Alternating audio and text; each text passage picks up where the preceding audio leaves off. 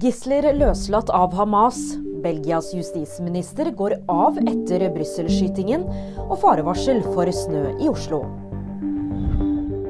Hamas har løslatt to amerikanske gisler. De to gislene er mor og datter Judith og Natalie Ronan. Det bekrefter israelske myndigheter. De er tatt hånd om av Røde Kors og er på vei ut, melder CNN. Løslatelsen skal være et resultat av forhandlinger mellom Qatar og Hamas. Belgias justisminister Vincent van Quickenborn går av. Han går av etter terroren i Brussel mandag, hvor to svensker ble drept.